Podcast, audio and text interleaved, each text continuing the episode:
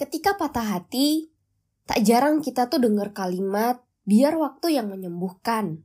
Dan kalimat ini sering kita dapatkan dari orang-orang terdekat kita dan orang-orang di sekitar kita sebagai bentuk penghiburan.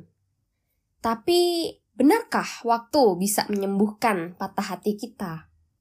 Dan apakah hanya waktu saja yang kita butuhkan ketika ingin sembuh dari patah hati tanpa adanya usaha lain untuk menyembuhkan luka atau patah hati tersebut. Kita akan analogikan dengan luka saat kita tuh terjatuh dari sepeda. Ketika kita naik sepeda dan tiba-tiba kita terjatuh gitu ya, itu kan pasti kita akan mendapatkan luka entah di lutut atau tangan, di siku gitu. Tapi kalau misalnya ketika luka ini kita biarkan, apakah dia akan sembuh?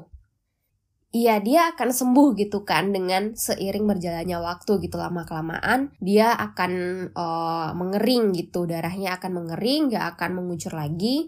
Tetapi butuh waktu yang lebih lama daripada ketika kita memberikan perlakuan untuk luka tersebut.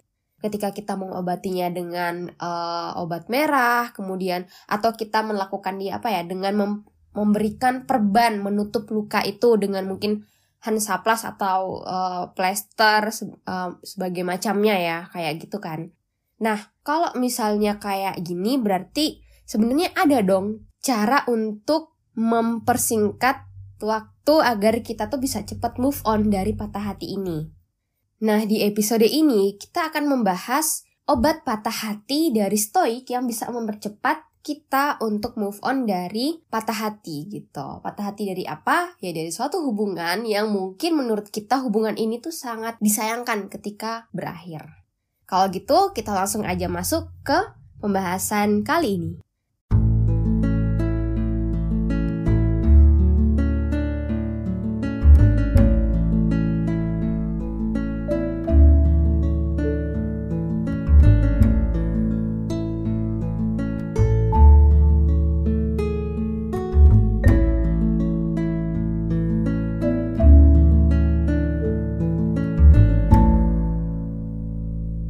Oke okay, teman-teman, uh, sebelum kita uh, membahas apa sih obat patah hati dari stoik gitu kan, aku akan share dulu uh, pengalamanku mengalami patah hati terburuk gitu.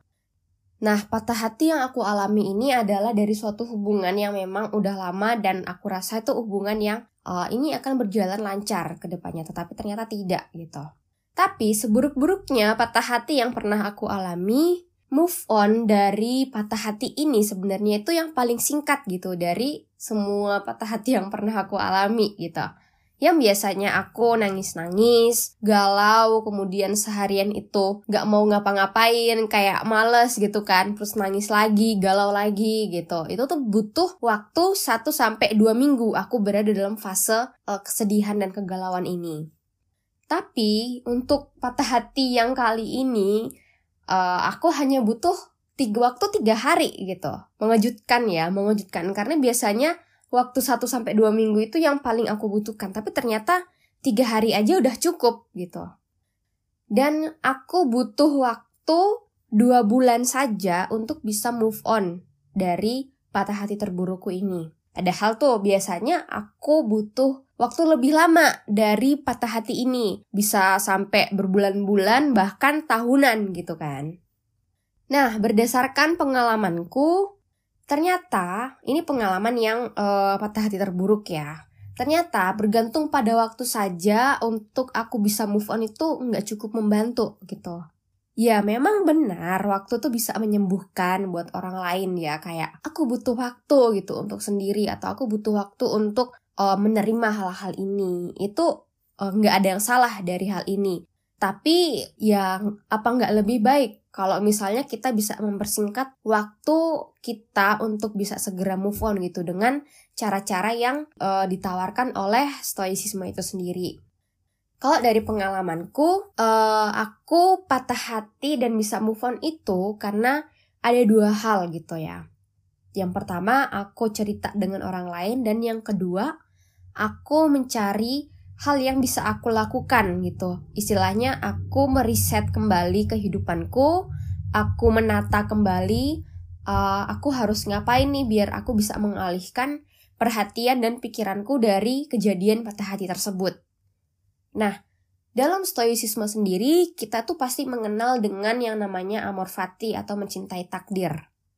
Tetapi untuk sampai ke fase amor fati ini, untuk sampai ke fase kita bisa mencintai uh, takdir atau kejadian yang kita alami ini, kita harus melewati yang namanya penerimaan dulu gitu kan.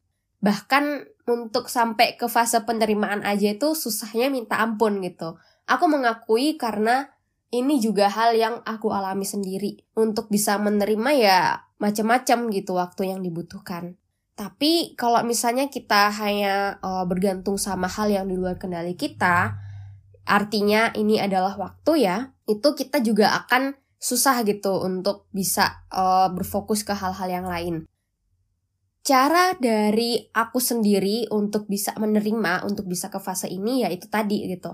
Aku menata kembali kehidupanku, aku menata kembali sebenarnya aku merefleksi kembali gitu istilahnya ke hubunganku yang kemarin sebenarnya oh ternyata aku salahnya di sini. Oke, berarti untuk ke untuk kembali ke hubungan yang baru aku mungkin bisa melakukan hal-hal yang ini gitu. Kita refleksi kembali ke hubungan kita. Stop sampai di situ, aku lanjut ke hal yang berikutnya di kehidupanku sendiri. Oke, aku mau ngapain nih gitu kan aku harus ngapain nih kayak aku butuh hal-hal yang mengalihkan perhatianku istilahnya seperti itu jadi dari hal ini aku butuh hal-hal yang bisa mengalihkan perhatian aku melakukan penataan kembali. Kayak oh aku pengen untuk lanjut S2 nih. Aku aku mau lanjut S2 hal-hal apa yang perlu aku lakukan gitu. Oke okay, aku butuh untuk melakukan uh, membuat proposal tesis. Misal aku butuh oh aku mau lanjut juga nih melalui jalur beasiswa. Misal berarti harus uh, mengejar skor TOEFL atau IELTS yang sekian gitu misalnya skornya apa yang aku harus lakukan gitu kan Oh, berarti aku harus uh, belajar. Oke, aku belajar lagi. Aku cari cara nih. Aku bisa belajar di mana. Kemudian uh, apa yang harus aku lakukan? Misalnya penda melakukan pendaftaran dan sebagainya macamnya. Jadi lebih kepada hal-hal yang bisa aku kendalikan saat itu. Balik lagi ke dikotomi kendali dari stoicisme kan. Hal-hal yang bisa aku lakukan tuh apa aja gitu. Daripada hanya bergantung dengan waktu. Jadi intinya adalah untuk bisa move on, uh, kita tuh harus juga melakukan atau menata kembali kehidupan kita dan juga pikirkan hal-hal yang bisa kita lakukan gitu yang berada dalam kendali kita untuk lekas move on. Karena setelah kita uh, mendapatkan, oh oke okay, aku harus kayak gini gini gini, aku uh, harus melakukan ini, hal yang bisa aku kendalikan, yang bisa aku uh, fokus tuh di hal-hal yang ini. Kita tuh akan perlahan-lahan bisa menerima gitu. Jadi proses untuk menerimanya itu adalah dengan kembali lagi kepikiran dan tindakan yang berada dalam kendali kita daripada memikirkan yang nggak bisa kita kendalikan itu. Kayak gitu. Jadi setelah kita uh, menata kembali, kita perlahan-lahan pasti juga akan menerima kayak oh ya udah gitu.